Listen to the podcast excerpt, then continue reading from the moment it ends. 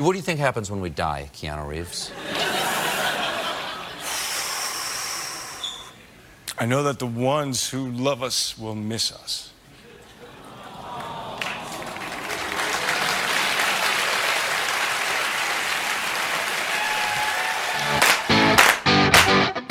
dan mensayangkan saham masyarakat. Jadi kita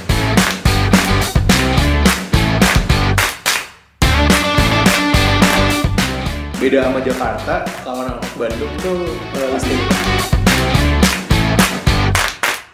investasiin buat sekolah anak. Evolve into something new. Gitu. Kupu-kupu mungkin ke- Eh, ayahku tuh satpam gitu kan. Di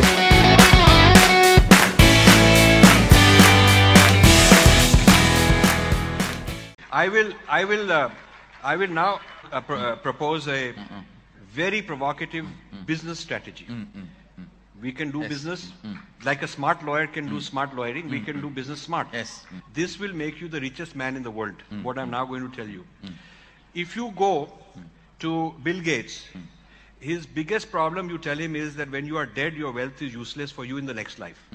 Unless we can find you and transfer that wealth.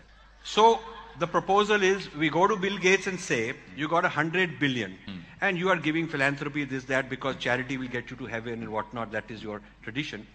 Out of the hundred billion, you give 50 billion to us in trust to be given to you in your next life when we find you. Because it is possible you may be born very poor. Bill Gates may be born very poor. So if we can, within the rules of the Agama, locate where Bill Gates is next time and give him at least 5, 10 billion, he'll be much happier. So this will be the world's first inter-life reincarnation trust management. Eh, selamat pagi, siang, sore, atau kapan pun waktu yang kalian pakai untuk mendengarkan podcast ini. Kembali lagi bersama saya Panji di podcast Ngobrol Bisnis. Sekarang itu tanggal 19 Februari 2021 ya, hari Jumat. Eh, bertepatan juga dengan hari ke hari ke 340 semenjak covid masuk di Indonesia based on perhitungan saya. Udah mau satu tahun. Hari ke 340 ya. Ini masih ada yang ngitungin gak sih sebenarnya? Eh, covid ini? Apa eh, apa ya? Ya udah hampir satu tahun aja gitu. Atau mungkin kalau beberapa orang mungkin udah menghitung dia satu tahun lebih gitu.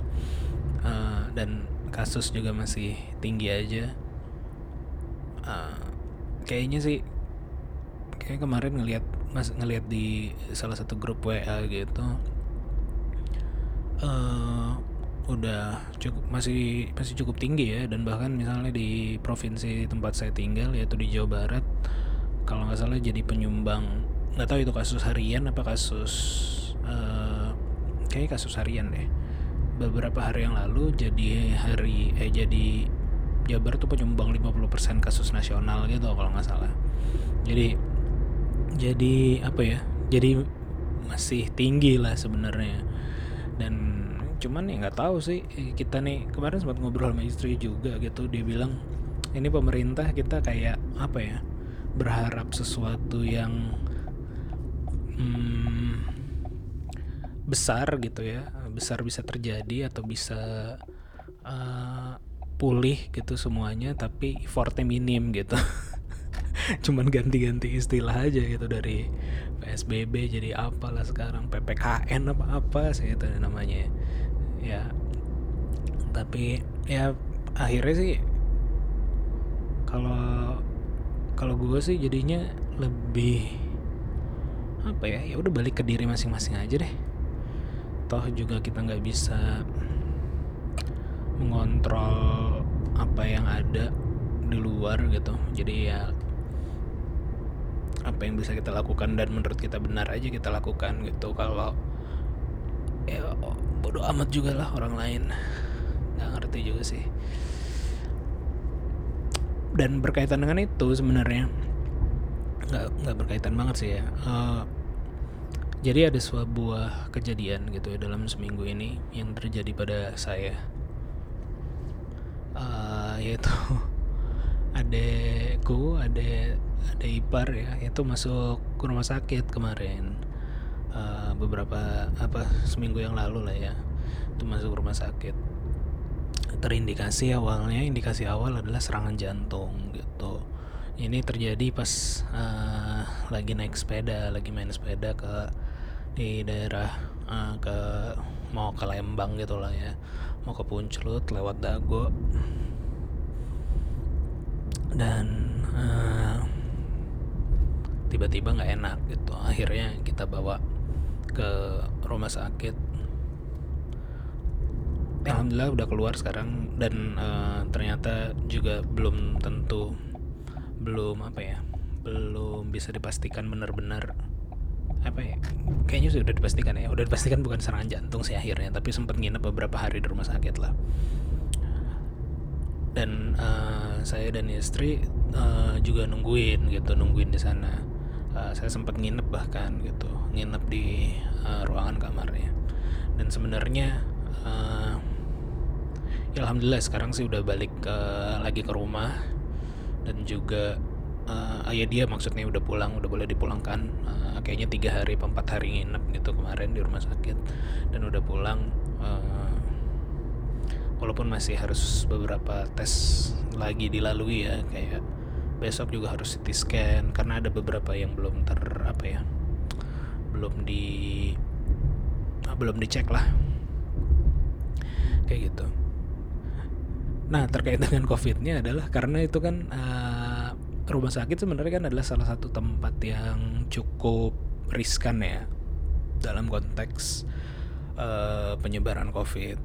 Walaupun protokolnya ketat gitu mau masuk di dicek dan segala macam gitu. Cuman kan memang ya rumah sakit itu ya dokter habis ketemu siapa atau ya di sana. Banyak orang sakit lebih rentan lah.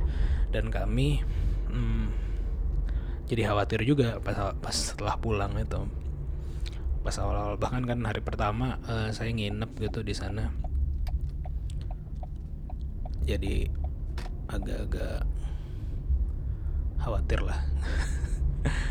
Eh, malah lagi ditambah lagi ketika pulang ke rumah apa beberapa hari setelah pulang itu eh, sempat sakit kepala gitu. Sebenarnya sampai sekarang masih sih dan ini juga masih eh, kontrol gitu Eh, saya gitu. Saya terkena sakit kepala sebelah lebih tepatnya migrain ya biasa orang sebut gitu.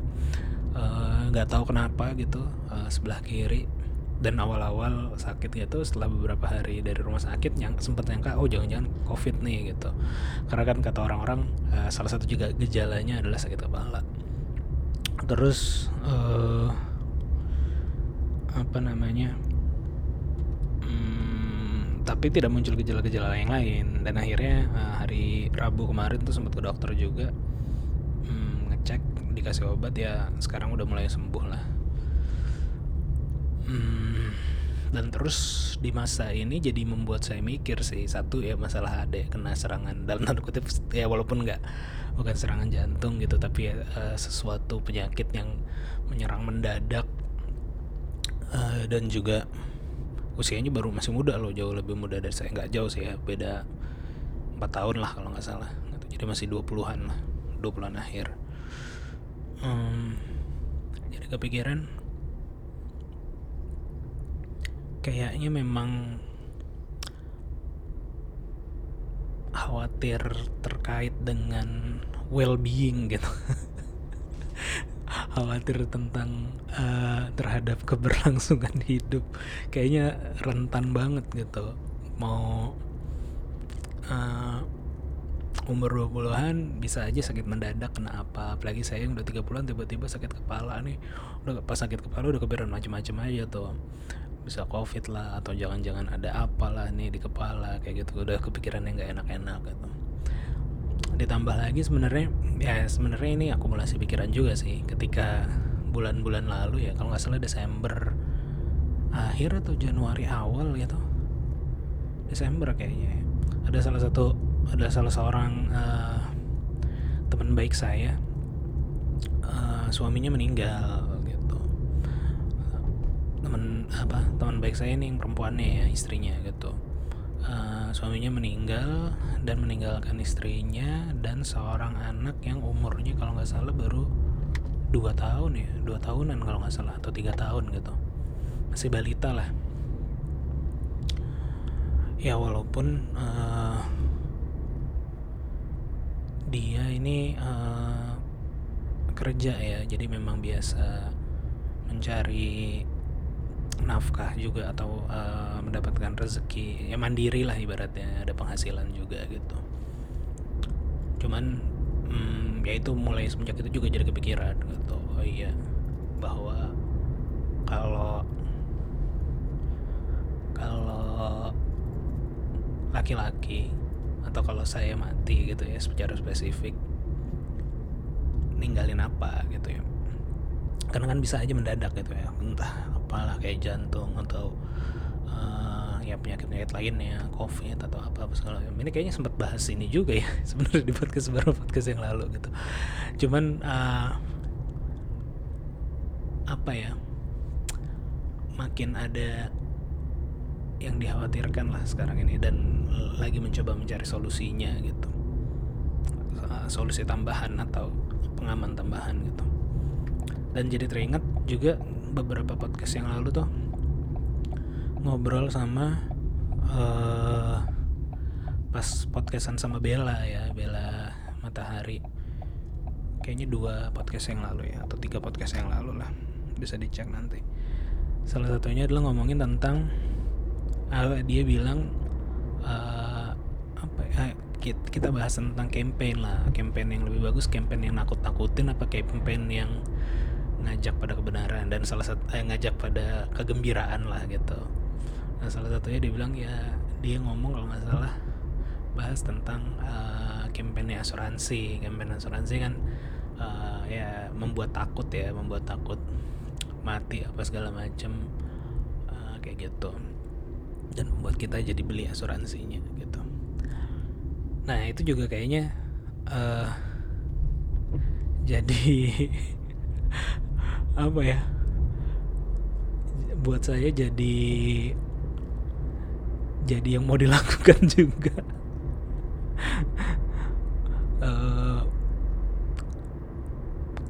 Eh ya tadi ya jadi agak khawatir gitu. Ingat ingat ini sih ingat apa namanya tuh.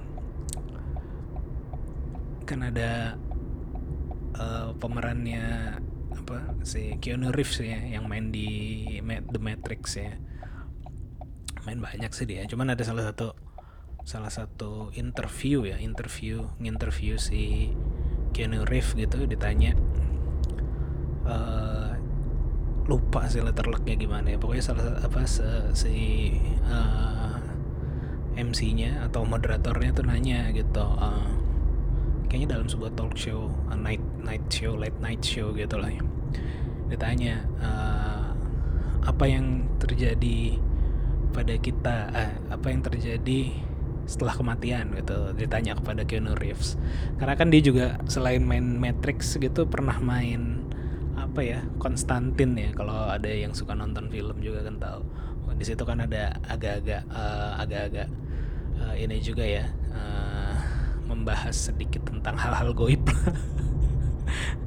Kalau ngomong hal goib jadi kayak nggak nggak nggak mistis gitu ya Eh, ya, pokoknya kayak gitulah ya eh, ditanya sama si eh, ininya. Jadi kayak seolah-olah si eh, Keanu Reeves-nya tahu gitu karena main di Konstantin atau juga main di Matrix ya apakah ya, mungkin jawaban yang diharap, diharapkan oleh si MC-nya atau si penanyanya adalah eh, kalau setelah kita mati kita terbangun dan dihidup di dunia Matrix gitu. Apa eh, ternyata kita keluar dari Matrix atau bagaimana? Atau eh, dengan versi Konstantin setelah dia mati, mati akan ke kehidupan akhir atau bagaimana kayak gitu. Tapi yang menarik adalah jawaban dari si Keanu Reeves-nya itu eh,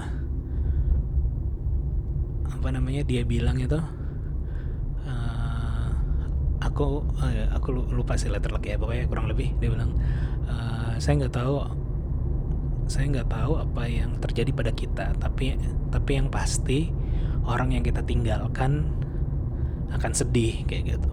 Dan terus seperti talk show talk show Amerika biasanya orang-orang akan terenyuh gitu kan. Dengan dengan eh, dialognya dengan jawaban seperti itu. Mungkin nanti ini di uh, cuplikan klipnya saya taruh di depan ya sebelum intro. Biar ini biar apa namanya uh, biar nggak ngarang-ngarang tadi ya. Nah balik lagi uh,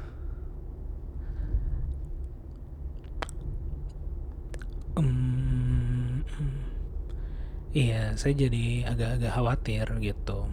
Bahwa sebenarnya ya terhadap kematian sebenarnya sih nggak terlalu terlalu takut-takut banget ya. Tapi ternyata yang agak menakutkan adalah kalau dengan kematian yang mendadak gitu ya. Tiba-tiba mati gitu nggak uh, sempet. Ya bukan masalah nggak sempetnya sih. Tapi ya mungkin lebih khawatir pada orang-orang yang kita tinggalkan gitu. Ya sempat dibahas juga sih ini di beberapa podcast yang lalu ya podcast monolog yang lalu juga. Tapi makin ke sini ternyata uh, apalagi ya jadi kepikiran lah makin makin uh, ngeri gitu. Nah akhirnya walaupun udah berusaha sebaik mungkin bisa meninggalkan sesuatu yang baik ya atau kan kalau di uh, kepercayaan saya gitu.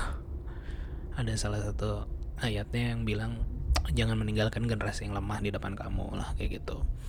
Uh, ya gitu kita siapkan gitu. Misalnya dari sisi ya, yang laki-laki bisa siapkan adalah misalnya duit gitu yang cukup lah kira-kira untuk beberapa tahun ke depan atau segala macam. Tapi ternyata masih kayak masih nggak tetap tenang juga sih akhirnya kemarin sempat research saya tentang asuransi ya atau insurance gitu. Lebih spesifiknya ya bukan asuransi kesehatan tapi tentang asuransi kematian. Uh, yang memang kita bayar premi untuk biar bisa kalau kita meninggal gitu uh, ada penerima manfaat yang lain yang bisa mendapatkannya kayak gitu hmm, dan research juga gitu dari sisi keislaman seperti apa ya karena kepercayaan saya Islam gitu ya. Terus dari sisi uh, yang cocok yang mana gitu. Dan akhirnya kelihatannya agak-agak ketemu tuh. Ada salah satu asuransi lah nggak saya sebut ya karena jadi promo nih. Uh, tapi ternyata dia nggak syariah sih walaupun ada yang syariah. Karena yang syariah tidak tidak apa ya uh, agak-agak visi gitu sih. Bukan bukan visi ya agak-agak uh, dari sisi perhitungan kayaknya nggak pas gitu kalau dihitung-hitungan uh, saya gitu. Karena kan kita juga orang bisnis ya jadi ngerti ngitung-hitungnya gitu. Uh, dan juga dari sisi uh, plafon tidak sesuai yang saya harapkan nah, kayak gitu. Jadi masih belum sih ini belum diambil ya. Cuman yang justru agak lebih struck adalah tadi yang uh, belum syariah bukan belum syariah yang uh, yang saat ini bukan nggak syariah gitu. Walaupun belum beli juga belum ambil juga lah. Nah enaknya dia tuh uh, kenapa dia enak? Kenapa dia cocok? Dia kita tuh bisa nentuin plafonnya sendiri.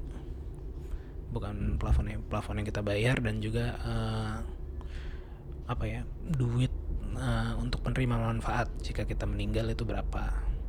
Bisa kita set dan kita hitung si kita bayar berapa per bulan gitu misalnya kemarin saya hitung-hitung kalau uh, untuk bisa meninggalkan ke penerimaan manfa manfaat itu sekitar 5 miliar gitu misalnya itu bayarnya sekian gitu. Atau kalau mau uh, eh, 2 miliar atau 2 miliar setengah itu berapa bayarnya. Hmm, bisa kita set sendiri gitu. Uh, dan sebenarnya kelihatannya makin mudah ngambil ya makin bagus ya. Karena memang bisnis modelnya si uh, asuransi kan begitu ya. Jadi kan sebenarnya ini kan bisnis asuransi ini adalah bisnis menjual ketakutan ya. Ya waktu itu seperti yang uh, saya bahas sama Bella juga gitu. Bisnis menjual ketakutan dalam konteks menjual sesuatu uh, insurance lah sebenarnya jaminan gitu menjual ketakutan menjual sesuatu yang tidak pasti gitu. Yang mana kita berani bayar. Misalnya untuk asuransi mobil ya kita uh, bayar in case in case kan. Padahal kan belum tentu gitu. In case terjadi kecelakaan atau kehilangan uh, kita dapat cover kita dapat asuransi gitu penggantiannya gitu seandainya tidak terjadi yang nggak bisa gitu. Ya walaupun ada beberapa yang ada apa ya ya itu nggak menurut saya sih nggak pas juga ya kayak tabungan sekaligus insurance kayak gitu. Tapi ya kita nggak akan mm, berdebat tentang itulah. Uh, ya tapi pada dasarnya ya tadi menjual ketidakpastian gitu menjual jaminan.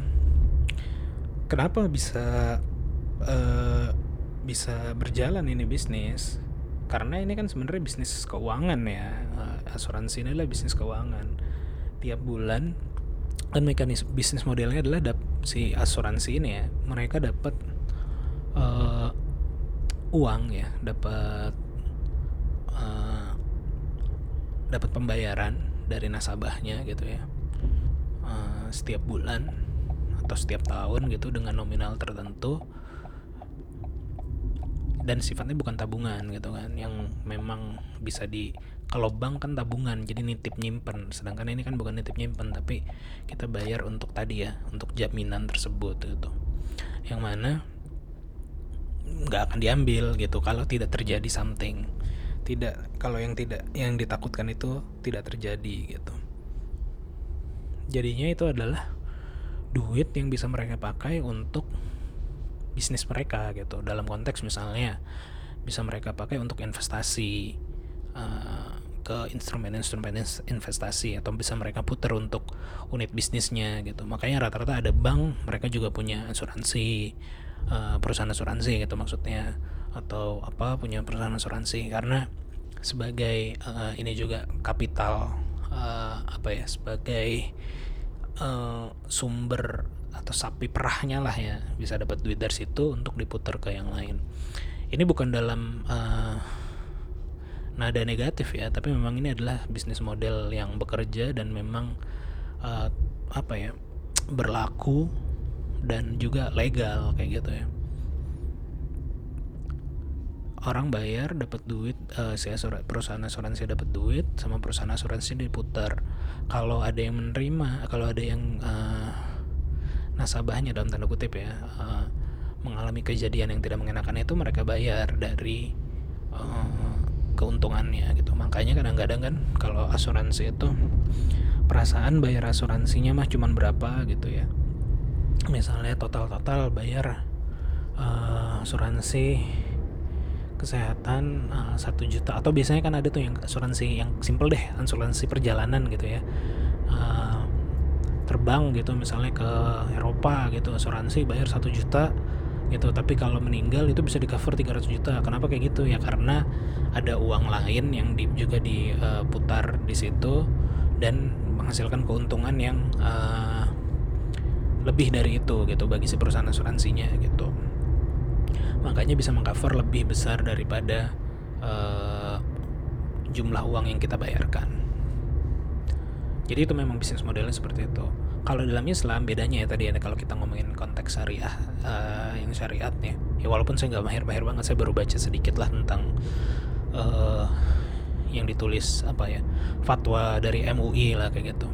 Kalau di Islam itu adalah uh, salah satunya adalah udah unsur tolong menolong. Ya jadinya di situ ada uh, tolong menolongnya. Jadi wajar memberi santunan kepada orang yang tertimpa musibah gitu lebihannya tadi itu bukan bukan ini. Nah kalau yang uh, kalau yang non syariah nggak tahu sih ya. Pasti ada juga unsur-unsur seperti itu tapi uh, mostly perhitungannya lebih ke perhitungan bisnis.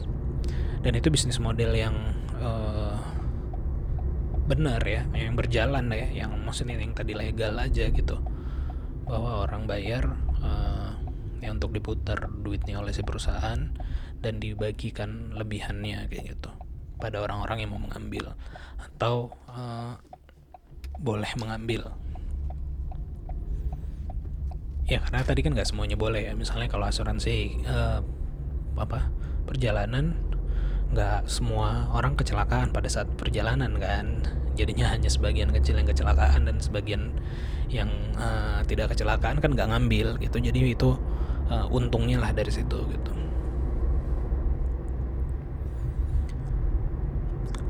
nah dalam konteks yang lebih besar juga bahkan kita ya dalam maksudnya dalam konteks yang besar dalam konteks hidup gitu ya dalam konteks kayak kehidupan secara umum gitu kadang-kadang kita juga terjebak bukan terjebak ya bahasa yang lebih halus mungkin kita mencoba menjamin ya mendapatkan jaminan pasca pasca kehidupan duniawi dengan cara main yang sama gitu. Misalnya kalau di beberapa agama lah sama lah ya di Islam juga gitu. Kita kan bayar yang namanya zakat gitu. Kalau di Kristen apa sih namanya itu per 10 itu ya yang bayar 10% kalau di Islam dua setengah persen. Mungkin di agama-agama lain juga ada gitu. Itu kan kita bayar oke mengeluarkan membersihkan harta konteksnya apa eh, tujuannya juga. Tapi tujuannya juga menjalankan kewajiban. Dan tujuannya juga adalah uh, agar ya banyak sih tujuannya ya. Menunaikan kewajiban yang paling pasti. Terus juga sebagai apa ya uh, moral gitu membantu orang. Juga sebagai hmm, ya sosial ya sosial dan moral tadi itu ya dalam membantu orang dan segala macam.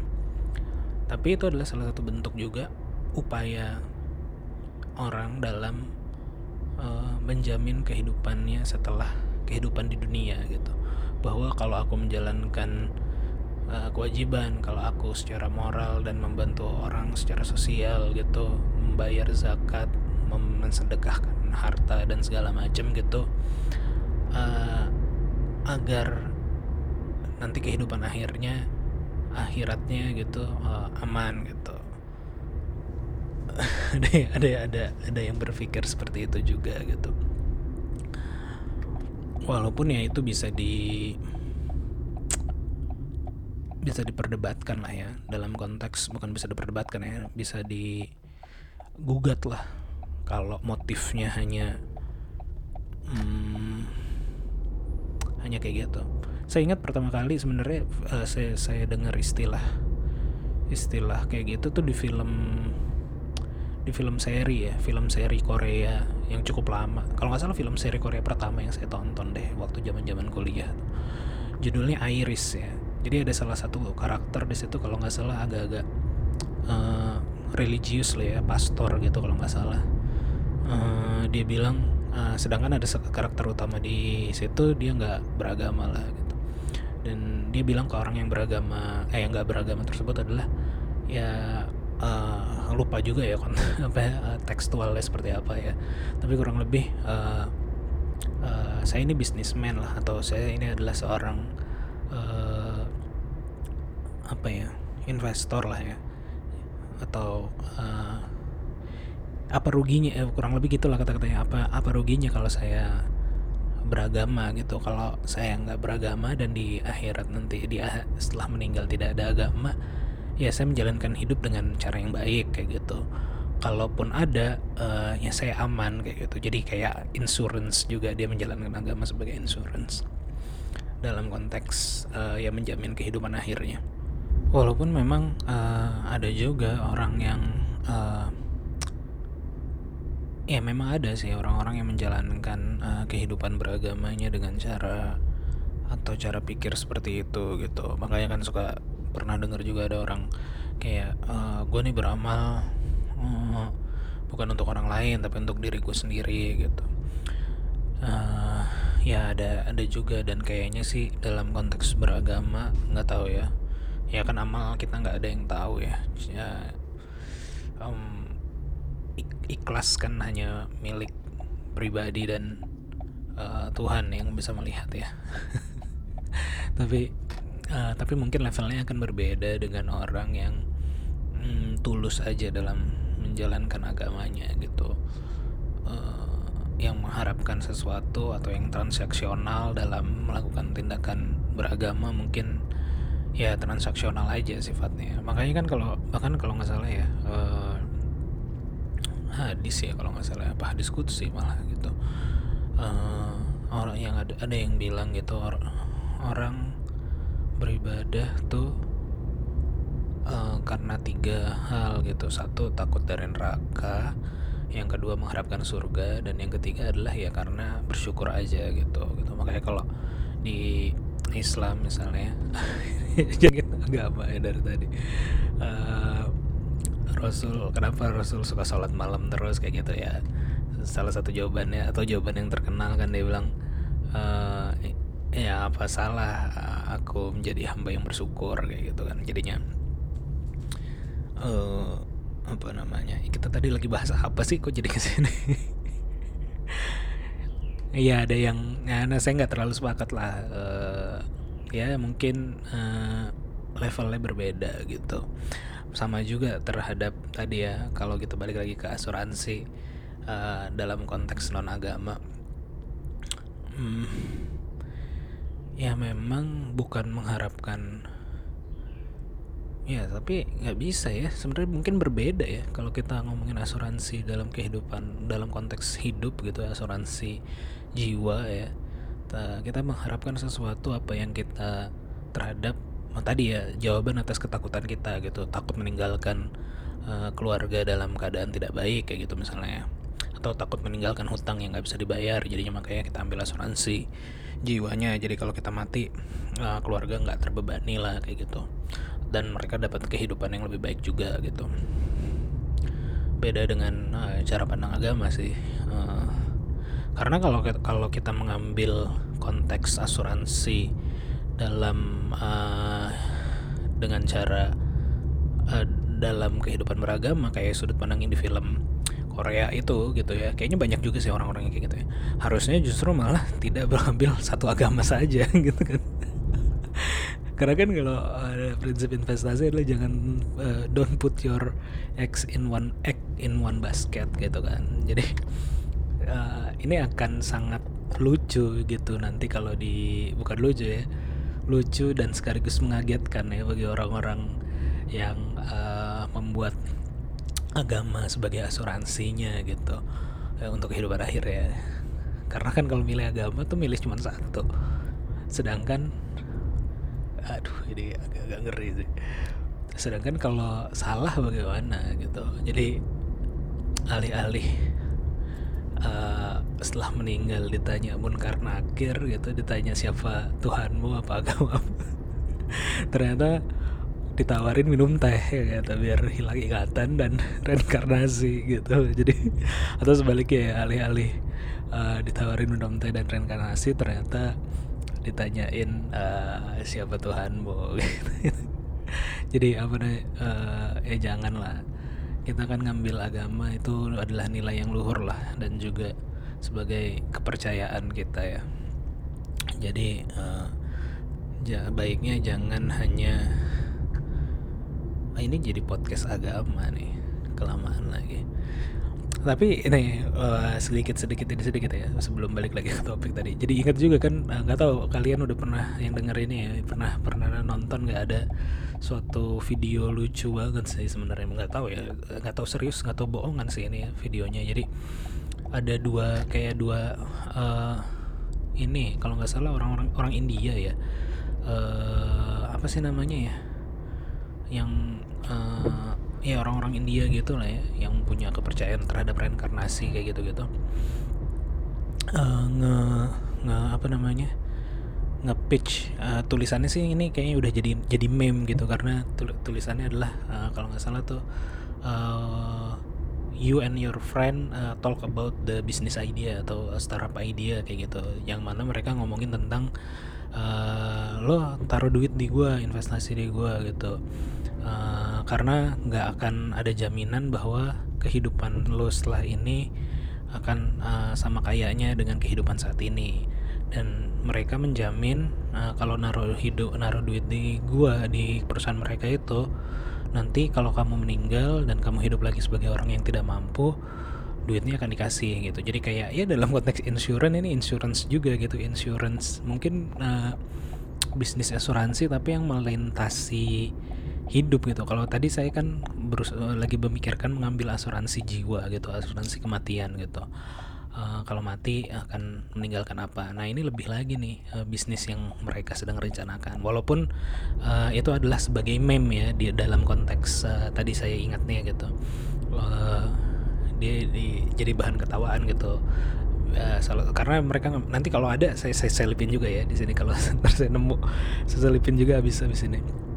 Eh, nah mereka ngomong ini kan tentang ya itu kalau Bill Gates ya taruhlah berapa miliar di kita gitu. Karena nanti kalau Bill Gates meninggal siapa tahu nggak sekaya ini kita bisa ngasih duitnya ke dia gitu. Jadi itu itulah insurance juga. Nah jangan-jangan memang gara-gara cuman itu kan jadi bahan ketawaan juga. Tapi kan kita nggak bisa memperta mengetawai atau apa ya ngetawain lah ya nggak boleh ngetawain kepercayaan orang gitu. Siapa tahu memang itu benar gitu. Walaupun juga pasti eh, mungkin kalau dari orang-orang Indianya sendiri yang mengikuti kepercayaan tersebut juga apa ya menertawakan. Kalau aku lihat ya karena ada beberapa komentar dari orang-orang India juga ya menertawakan dalam konteks gimana cara menemukannya gitu. Sedangkan konsep reinkarnasinya sendiri kan eh, menjadi orang yang beda gitu. Eh, bukan ada ciri-ciri fisik sama apa segala macam bisa jadi jadi cowok jadi cewek atau jadi bahkan yang lainnya gitu. Jadinya eh, nggak apa mungkin mereka ngetawain terhadap itu. Tapi ya orang-orang dengan kepercayaan lain eh, baiknya juga nggak ngetawain itu sih. Karena kan ya apa bedanya gitu dengan orang-orang di luar. Misalnya taruhlah yang nggak beragama gitu menertawai orang-orang eh, Islam yang ngapain lu ngasih duit dua setengah persen ke masjid atau ke lembaga atau kalau ke kalau Kristen ngapain ngasih 10% ke eh, gereja kayak gini-gini gitu kan Eh, kehilangan uang gitu. Nah, mungkin mungkin konteksnya sama aja. Walaupun ya itu adalah bukan tindakan kewajiban beragamanya ya kalau yang tadi. Kalau yang si eh, nge-pitch ide itu. Nanti deh kalau ada benar-benar saya saya taruh di abis ini biar buat, buat ngasih konteks aja. Eh, Oke, balik lagi ya tadi. Eh, asuransi ya. Nah sampai sekarang sih jadinya masih ah mungkin sebelum itu sedikit lagi kaitannya sama eh, asuransi sebagai bisnis atau tadi ya eh, konteksnya dalam eh, ya tadi lembaga amil gitu atau minggu lalu di podcast monolog sebelumnya juga sempat saya bahas bahwa orang-orang udah mulai rada rada apa ya rada sanksi terhadap lembaga-lembaga eh, apa ya istilahnya ya religion institusi keagamaan lah ya atau organized religion gitu loh ya mungkin ya istilahnya.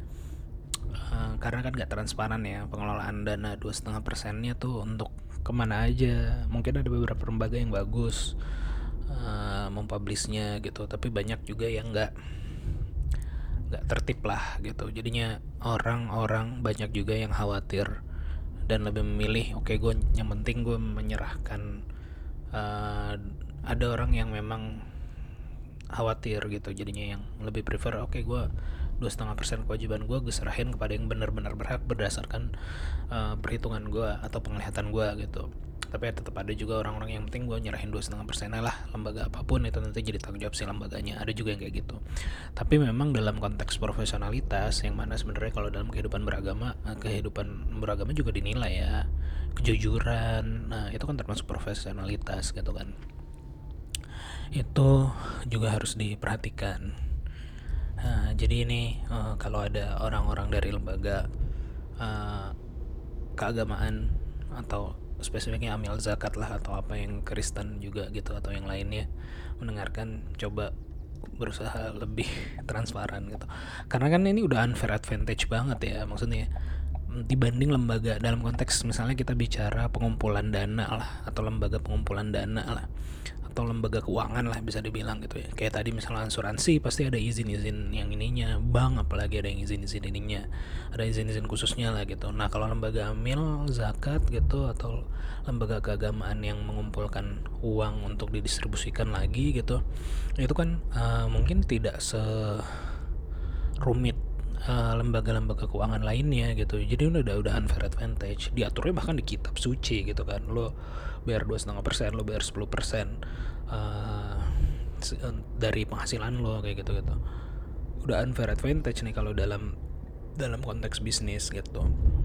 Diaturnya bukan oleh bukan jadi kayak uh, kalau asuransi atau kayak bank kan orang merupakan pilihan gitu untuk mengambil itu atau menyerahkan uangnya ke situ tapi kalau lembaga ambil zakat kan udah jadi kewajiban dari si umatnya kan untuk untuk memberi uh, menyumbang gitu. Dan yang lebih lagi kalau yang asuransi ataupun ya oke lah yang bank paling yang uh, bank simpan pinjam ya tabungan itu lebih apa ya levelnya lebih uh, orang lebih aware terhadap uang yang disimpannya. Karena kan mau dipakai lagi gitu kalau asuransi ya mungkin tadi naro tapi in case aja gitu. Nah kalau yang uh, untuk ke amil ya lembaga amil zakat dan sebagainya gitu atau lembaga keagamaan tadi itu kan orang yang ngasih ke duit ke situ adalah duit hilang gitu. Bukan kayak asuransi yang diharapkan atau bukan kayak bank yang nanti akan kita tarik duitnya gitu. Jadi uh, sangat rentan atau rawan terhadap ya tadi sih uh, kecurangan atau ke apa ya ketidakjujuran dalam pengelolaannya. Makanya sebenarnya harusnya dijawab dengan cara profesionalitas. Bikin laporannya yang clear apa segala macam. Kayak masjid-masjid kan tiap Jumat ngumumin itu udah bagus gitu. Nah yang lebih lembaga-lembaga besar lagi harusnya bikin publikasi kayak apa kayak gitu-gitu. Biar biar orang apa ya biar orang percaya lah gitu. Ya landasannya bukan itu sih tapi lebih ke transparansi aja lah. Lebih lebih dalam konteks berbuat ihsan gitu. Bukan karena orang curiga lalu baru dibikin tapi memang ya uh, atas tindakan profesional aja gitu. Oke okay, kayaknya gitu aja sih. Jadi ngomongin ininya banyak. Cuman uh, balik lagi ke tadi uh, apa ya? Ya asuransi sebagai bisnis oke okay, kayak gitu. Dan saya uh, bukan bukan oke okay ya uh, bisnis yang menarik gitu sebenarnya modal bisnisnya uh, dan saya sendiri juga tadi masih dalam pertimbangan. Kelihatannya sih sudah menjurus ke salah satu yang tadi saya sebut ya. Ada uh, asuransi jiwa atau asuransi kematian uh, yang ini yang akan saya pilih gitu untuk saya pakai. Agar lebih apa ya ya tadi lah landasannya sih lebih menguatkan aja. Kalau dalam gini karena udah kebanyakan ngomongin Islam sekalian lah kalau dalam Islam kan ada terminologi namanya uh, khauf dan roja gitu. Kita tuh harus khauf dan roja gitu. Khauf itu kalau nggak salah uh, lupa sih yang mana. Pokoknya khauf dan roja tuh kalau nggak salah uh, antara takut dan berharap gitu loh. Jadi kita juga harus agak khawatir punya kekhawatiran tertentu uh, sambil kita mengharap sesuatu yang bagus gitu. Dalam konteks agama ya tadi khauf dan roja ini adalah sifat kalau khauf itu takut neraka roja itu mengharap sesuatu yang baik lah kayak gitu. Cuman uh, dalam konteks yang lebih luas uh, ya itu adalah dua rasa atau dua perasaan yang harus saling men-shaping cara berpikir kita sih. Kita berharap apa kalau dalam filmnya Born itu kan dibilang uh, we prepare for the worst eh salah. We plan eh gimana sih? We we are prepare for the worst but hope for the best lah kayak gitu ya, ya jadi persiapan untuk yang terburuk tapi uh, berharap mah sesuatu yang baik. Oke gitu aja.